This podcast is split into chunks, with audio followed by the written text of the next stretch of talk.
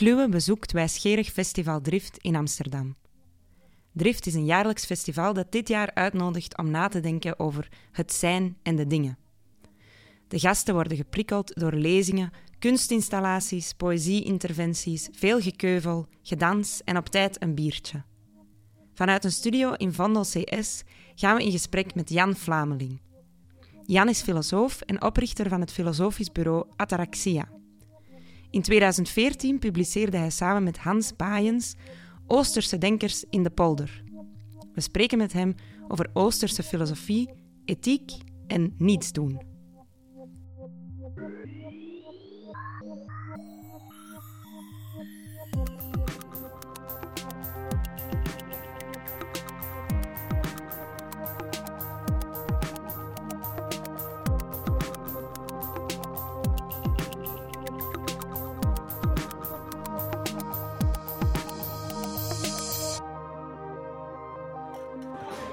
Feestje gaat bijna beginnen, jongens. Jan, welkom in de studio. Uh, het is al wat later op de avond en ik heb een biertje, jij hebt een wijntje. Je hebt je lezing al gegeven. Hoe ging het? Um, ik denk dat wat ik net in de hal tegen iemand zei, dat ik dat vandaag ook zou willen zeggen nu. Um, dat moet je die mensen vragen. Ja, oké. Okay. Uh, ik had de indruk, maar ja, wat is zo'n indruk waard? Um, en waar is hij op gebaseerd? Hij is in eerste instantie gebaseerd op zo'n gevoel wat je hebt van goh, ze zitten te luisteren, ze lopen niet weg, uh, ze lijken aandachtig te zijn. Uh, ze komen, een gedeelte komt achteraf uh, naar je toe en zegt dan: Goh, dankjewel, leuk. Um, dus daarop gebaseerd is dan mijn indruk. Ik denk dat het wel goed ging. ik begon al wel met te zeggen dat, um, en ik denk dat dat misschien ook wel een rol speelde, dat uh, ik mijzelf als een soort buitenbeentje zie op dit festival. Eén, omdat ik een niet aan de universiteit werkend filosoof ben, maar ook omdat ik een filosoof ben die iets over Oosterse filosofie kan vertellen en niet over Westerse filosofie. Ja, dat is zeker een van de redenen waarom we jou ook hebben uitgenodigd voor de interviews. Daar hebben we in Kluwe namelijk ook nog niet zoveel aandacht aan besteed. En we praten op, op dit festival over het zijn. Mm -hmm. En wat is het zijn in Oosterse filosofie? Nou ja, wat ik in mijn praatje heb geprobeerd duidelijk te maken, is dat de manier waarop we de vraag beantwoorden in het Westen, dat het een hele andere manier is uh, dan die in het Oosten, in de Oosterse filosofie wordt gebruikt. En ik noem dat een uh, manier van verstaan. Dus wat wij in het Westen, misschien nog niet aan de Turkse kust in de vijfde eeuw, voor het begin van onze jaartelling, ook misschien nog niet in de Zuid-Italiaanse kust, maar wat op een gegeven ogenblik binnen de academische filosofie vanzelfsprekend is geworden, is dat je in gesprek bent met iemand, een tekst leest van iemand, uh, naar een lezing gaat van iemand. Maar dat is niet wat de Oosterse filosofie als uitgangspunt heeft. Als uitgangspunt heeft de Oosterse filosofie dat je gaat zitten.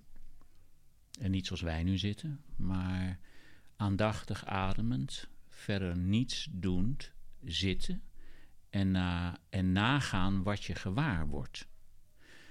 Um, en dat levert in eerste instantie natuurlijk nog helemaal geen, vraag, geen antwoord op de vraag op wat zijn betekent. Want het eerste, hè, stel dat wij nu in het Vondelpark zouden gaan zitten en we zou, ik zou zeggen van goh, doe maar even je ogen dicht. Dat is een beetje gevaarlijk, maar ik, ik ben erbij. Doe maar je ogen dicht. Nee, dat is juist gevaarlijk. Nee. Uh, nee um, dus je doet je ogen dicht. Wat dan gebeurt, dan, dan merk je hoe, je hoe je lichaam in elkaar zit, hoe dat functioneert. Dat in eerste instantie al die akoestische signalen worden opgevangen, worden verwerkt om, um, om na te gaan wat is er gaande in de omgeving, wat mij eventueel bedreigt of wat mij wat men goed zou kunnen doen. Dus je, je merkt dat de gebruikelijke optische kanalen, daar maak je geen gebruik van. Dat is wat we meestal gebruik van maken. Kennisverwerving is in het Westen ook altijd gekoppeld aan optische vocabulaire. Hè, weer of het nou het schouwen van Plato is, of hè, datgene waar, uh, waar Descartes het over heeft, helder en wel onderscheiden voor. zijn allemaal noties die kennisverwerving dus koppelen aan iets wat te maken heeft met zien of schouwen. Um, daar, daar doe je, dat schakel je al uit als je ogen dicht doet. En als wij zouden gaan zitten, zou je op een gegeven moment merken dat die akoestische signalen jou wel degelijk een gewaarwording opleveren van wat er gaande is. Dus wat er om je heen is. En wat dat ook in jou teweeg brengt. Wat er ook daardoor in jou is. Nou, dat wat het zeg maar, in jou als reactie oplevert, in die verwerking van die signalen, is voor een gedeelte, heeft dat niets te maken met datgene wat er om je heen gaande is. Dat zit allemaal al in jou en hè, dat is vanaf je, weet ik veel, noem maar even voor de gekkigheid, vanaf je derde is dat vastgelegd. En dat is best wel lastig om daar van af te komen. En menig een moet daar, eh, stel dat dat niet allemaal even plezier is geweest, moet je daarvoor in therapie ook. Ook weer een gesprek. Nou, de Oosterse filosofie doet het allemaal niet. Die zegt: ga zitten, aandachtig ademen, echt aandachtig ademen. Hè? Niet zo van, goh, ik ga een beetje ademen. Nee, je gaat gewoon tien tellen inademen door je buik en dan ga je uitademen. Dat betekent dat je hersenen moeten dat ook doen. En doen niks anders. Kunnen ook niks anders. Het enige wat ze doen is dat wat onmiddellijk binnenkomt, en dat zijn akoestische signalen. Ehm, maar die akoestische signalen leveren dus een gewaarwording op van wat er om je heen gaande is, wat het in jou opwekt. Dat merk je ook en dat word je gewoon gewaar ook. En die dat noem ik die manier van verstaan, die als eerste stappen, eh, of die eerste stappen mogelijk maken om een onderzoek te doen naar wat zijn betekent. Want daar ben je dus niet mee bezig. Ik ga niet, stel dat wij naar buiten zouden gaan van goh, ga lekker zitten. Dan ga ik niet zeggen, ja, ga even naar wat zijn betekent. Nee, dat ga ik helemaal niet zeggen. Ik ga helemaal niks zeggen. Jij gaat gewoon proberen juist ook opvattingen die de jouwe zijn over wat zijn zou kunnen betekenen, die ga je proberen juist los te laten. Zodat je gewoon gewaar wordt wat er is. Ja, is dat dan een soort uh, focus op bijna passief zijn in plaats van actief? Of is dat weer een westers begrip? Ja, ik neig ertoe om, om te zeggen dat, dat, uh, dat uh, het westerse denken dat, dat gewoon in, in, in hiërarchisch gestructureerde binaire opposities denkt. Dus dat dualiteit als uitgangspunt heeft, dat het dus vanzelf zegt van goh, heeft dat nou iets te maken met activiteit en passiviteit? En ik denk dat ik denk dat als je de Oost-filosofische teksten leest, dat je dan ziet dat ze eigenlijk voorbij zo'n dualisme probeert te komen. Dus als je daar zit, dat is wel degelijk een soort doen. Maar het is eigenlijk ook een niet doen of niet iets doen. Je doet wel iets, maar je doet ook niet iets. Het is, je bent niet bezig met denken, je bent eigenlijk bezig met niet denken, maar dat is wel denken. Zulke haast um, contradictoire uitspraken van ehm, je doet niet iets en je doet wel iets, dat is voor de westerse filosofen na Aristoteles iets wat je, ja, dat kan niet, mhm. dat kan je niet doen. Voor de Oosterse filosofen is dat geen enkel probleem, omdat de gewaarwording die de jouwe is, is nou juist dat dat tegelijkertijd zo is. Dus dat je weliswaar niet iets doet, eigenlijk alleen maar aan het ademen bent, maar dat dat wel een doen is. En dat het dus een andere manier van doen is, een andere manier van denken is, een andere manier van verstaan is. En dat dat weer niet de eerste keer, hè, weer, dan zouden we dat, weer in mijn geval, ja, dat doe ik gewoon al heel lang. Ja, het lijkt me bijna een soort levenshouding in plaats van iets dat we hier nu even in het Vondelpark zouden kunnen oefenen of zo. Het, het, levert uiteindelijk een levenshouding op en het, maar, het, het, het kan ook alleen maar effect hebben als je dat uh, als je dat deel laat uitmaken van je dagelijks leven, dus elke dag daar tijd voor vrijmaakt, uh, misschien een half uur eerder opstaan of. En dat is dan tijd vrijmaken voor. Om alleen maar te zitten. Ja. Ja, en, en dat kan ook in mijn geval, uh, dat zei ik net ook in het praatje, dat kan ook als ik op weg ben naar Den Haag om daar een training te geven aan een een of ander departement, dan kan het ook nog in een, hoeft niet eens een stiltecoupé te zijn, kan het ook nog in de trein op weg naar Den Haag gebeuren. Dat ik gewoon ga zitten en dat eigenlijk alles wat er om me heen is op een gegeven moment ook wegvalt. En dat is heel raar, want het is er tegelijkertijd wel, maar het heeft dus niet, het heeft niet dezelfde. Het werkt wel op me in, maar het heeft niet hetzelfde uh, effect. Die, die inwerking heeft niet hetzelfde effect. Het is net alsof er een soort. Oké, ik ben nu heel even met iets anders bezig. Het is wel weer, je bent met iets bezig, namelijk stil zijn, leeg worden, uh, een zekere focus. Ik kom zo meteen daar binnen. Ik weet niet wie ik tegenkom. Die hebben een geweldig probleem wat ik niet kan oplossen, maar waar ze toch mij gevraagd hebben om daar een gesprek over te gaan voeren. Oké, kan ik nou, hoe aandachtig kan ik nu zijn om datgene te kunnen bieden waar ze wat aan hebben, en waar ze mij riant voor betalen. ja. Hè, dus ja, ik wilde net vragen, wat, wat levert ons dat concreet op, die Ja, nou, levenshouding? dus, dus, dus die, die manier van verstaan, hè, dat, wat die je deel gaat uitmaken van je dagelijks leven, levert als je dat langere tijd doet met enige regelmaat. Dus als je jezelf die discipline oplegt in eerste instantie en op een gegeven moment discipline eigenlijk ook niet meer als discipline ervaart, maar iets wat je vanzelf doet, dan levert dat op een gegeven moment een reeks van gewaarwordingen op, waar ik net in mijn praatje van zei. En dat zou je misschien wel besef kunnen noemen. En dat besef is dan wel een besef wat, waarvan je zou kunnen zeggen: het is proces- en relationeel ontologisch van aard. Dus het is. Het is Dat moet je even uitleggen. ja, dat wil ik even uitleggen. Ehm, dus als jij zit, als wij zouden gaan zitten in een, in, hier in het park, dan zou je erachter komen dat je één altijd in verbindingen bent. Dat ga je onmiddellijk merken. Want er werkt van alles op je in. Daar ben je mee in verbinding. En dat dat waarmee je in verbinding bent, jou ook onmiddellijk op je inwerkt. En dat dat ook jou laat, laat merken dat jij potentieel in wording bent. Dus dat de verbinding kan zijn met dat vogeltje wat fluit. Het kan zijn met die, met die, die, die enge man die eraan komt lopen. Het kan zijn met het geluid van, weet ik veel, eh, een, een, een, een Boeing die overvliegt. Al die verbindingen zijn tegelijkertijd laat je zien dat je dus nooit vast ligt op dat ene, namelijk op die ene verbinding, maar ook met een andere verbinding. En dat is dan wel wat jij bent. Dus je bent eigenlijk, wat je, wat je gewaar wordt, is dat je in wording bent en in verbindingen bent. En dat dat. En, en, weer, en, de, en, de, de technische termen die de westerse filosofie heeft bedacht, eh, zijn, nou, dat in wording zijn, dat noemen we procesontologie.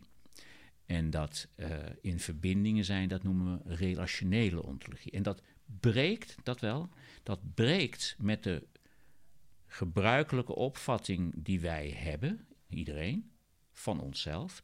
Maar het breekt ook met de modern westerse filosofische opvatting. Hè, die zegt van ja, ja, ik ken een heel mooi woord wat mijzelf heel goed omschrijft, dat heet ik. En dat ik is dus eigenlijk een iets. Hè, dat, is, dat is afgesloten van anderen, dat is niet in verbinding, dat is ook niet in wording, dat is.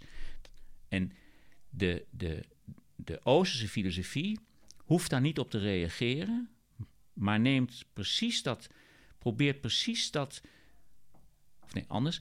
Het, het, de, de, de, meditatieve praktijk geeft jou een, een, een gewaarwording en een besef die daar helemaal haaks op staat. En dat als ze die proberen te verwoorden, onder woorden proberen te brengen, dan lijken de woorden die, daar, die ze daarvoor gebruiken, lijken op de hedendaagse westerse filosofische noties die nu worden aangeboden hè, door mensen als Deleuze en later Heidegger en ga maar zo door. Al die lui die zeggen van ja, zorg maar heel even, gaat het niet om een proces ontologie en een relationele ontologie. Gaat het niet erom dat we onszelf zouden kunnen opvatten, even nog hebben we daar dus los van de gewaarwording, maar zouden kunnen opvatten, anders dan Descartes, als in verbinding en in wording. Ja, um, je schreef, uh, als je het zo hebt over westerse filosofen die daar dan iets mee doen, je schreef iets over dat Slavoj Zizek stelt dat Oosterse filosofie het perfecte ideologische supplement van de kapitalistische dynamiek kan zijn. Ja. Maar daar ben jij het volgens mij niet mee eens. Nee, want en dat is dus gekoppeld dat, dat. Dus je hebt een manier van verstaan, dat levert een heel bepaald soort gewaarwording op. Die kan je proberen onder woorden te brengen, dat kan je een besef noemen. En dat is dan proces, een relationeel ontologisch van aard, om maar die technische term te Maar dat is niet waar het om gaat. Waar het om gaat, is dat jij anders in het leven komt te staan. En dat is precies gekoppeld aan de gewaarwording dat je in wording en verbindingen bent. En dat, je, dat dat haast vanzelf betekent dat je vanuit verbondenheid met al dat wat er ook is in het leven staat. De Oosterse filosofie is eigenlijk bezig om, om het zelf, jezelf te onderzoeken, daardoor jezelf te vergeten, jezelf als ik te vergeten. En daarmee duikt onmiddellijk dus de ander op en het andere. Dus waar je, waar je onmiddellijk in welke tekst, of je nou de oude Taoïsten neemt of de hedendaagse Boeddhisten, krijg je onmiddellijk waar het om gaat, is dat je vanuit medeleven met je medemensen, maar ook met de bomen en de beken en de beesten in het leven staat. Het levert onmiddellijk de oproep op. En als het goed is, levert dat dus ook onmiddellijk daadwerkelijk dat op wat je gaat doen. Een ecologisch verantwoorde leefwijze. Een, misschien zelfs wel een verzet tegen de kapitalistische politieke economie op, die dat, hè, die dat tegengaat. Ja, want ik wilde net zeggen, dat is volgens jou dus niet verenigbaar met een kapitalistisch systeem. Die Nee. En ik denk-. Ik denk dat als je gaat kijken eh, wat, om maar even een, een, een paar grotere namen te noemen. Ehm, Timothy Morton, die toch duidelijk maakt dat wij, ja, dat wij anders moeten gaan denken. Als wij, hè, als wij anders ecologische wezens willen zijn, dan moeten we anders denken. Maar hij is een boeddhist, dus het is wel degelijk zijn inzet ook. Als je kijkt naar Henk Oosteling, waar geen wil is, is een weg, is precies die inzet. En je ziet in dat laatste gedeelte van het, als je het mij vraagt, mooie boek van Henk, eh, zie je hoe hij daar duidelijk maakt dat Zizek eigenlijk niks snapt van Oosterse filosofie. Tegelijkertijd, en dat zei ik net in mijn praatje ook, heeft Zizek wel iets te pakken. Namelijk de manier waarop in het Westen, in Nederland, in Amsterdam wellicht, mensen ehm, met mindfulness bezig zijn, met yoga, lijkt net alsof ze toch eigenlijk met zichzelf bezig zijn. Maar dat is zo raar, want de Oosterse filosofie zegt dat helemaal niet. Daar gaat het helemaal niet om in de Oosterse filosofie. Dus ik denk dat, dat als Zizek het heeft over die mensen die, die zo bezig zijn en die niet zien dat het pad volgen eigenlijk betekent dat je je verzet tegen de kapitalistische politieke economie, dan heeft hij gelijk. Maar als hij zou zeggen dat de Oosterse filosofie dat in zichzelf inhoudt, dan vergist hij zich. Ja, en nog een laatste vraag. Nu al? Wat, ja, het is alweer, eh, we zijn alweer aan het einde gekomen, helaas. Wat kun je mij nou aanraden om in die praktijk te stappen? Hoe kan ik denken door niet denken? Zijn, eh, heb je tips? Nee, kijk, wat, wat, ehm, wat net ook aan het einde van het praatje door iemand gevraagd werd: hoe kan je nou dat niet willen willen? Exact. Eh, als je gaat kijken naar eh, wat in Gelassenheid van Heidegger aan het begin van het gesprek daardoor de drie, ik ga ervan uit dat het toch drie mannen zijn op die veldweg, daarover gezegd wordt, is het precies dit. Hoe kan je nou niet willen willen? Dat is daar aan het begin de vraag. Bijna, bijna, wel op de eerste plaats is dat de vraag. En dat is aan het begin dus heel raar. Want je, ja, je wilt het niet willen, maar klinkt dat niet heel contradictoir. Als je gaat kijken, eh, eh, ik heb net gezegd, ik denk dat ik dat gewoon nog maar een keer zeg. Ehm, als je mij vraagt, hoe komt het nou dat je bent begonnen heel lang geleden met mediteren? Ehm, nou, dat is omdat ik om me heen van alles meemaakte waar ik dacht: oké, dit is niet oké. Ehm, en ik daar eh, tegelijkertijd ehm, gehoord had, gelezen had ook, eh, om me heen ook mensen daarmee bezig zag, die via deze weg dat probeerden ehm, te veranderen. Dus de manier waarop ze zelf in het leven stonden, probeerden te veranderen. Ehm, dus er is iets wat op mij inwerkte, waardoor ik dat ging doen. Dus het, is ook dat wat ik ging doen, was eigenlijk alweer een reactie. Het, is niet, het ging niet echt van mij. De, ik, er, werd, er was sprake van inwerking, dat had een effect in mij, had ook een ander effect in mij, dat klopt. Maar het had bij mij dat effect. En als die weg eenmaal ingeslagen, was op een gegeven moment het zo vanzelfsprekend om zo verder te gaan. Dat, hè, weer dat, dat in de stromende regende ergens op het dek zitten op de boot waar, ik woon. Ja, dat is, dat, is, dat is niet iets raars voor mij. Maar ik denk dat je tegelijkertijd, en dat zei ik net ook, en ik denk dat dat belangrijk is, om, dat, om mee af te sluiten. Um, verandering van het zelf, sure.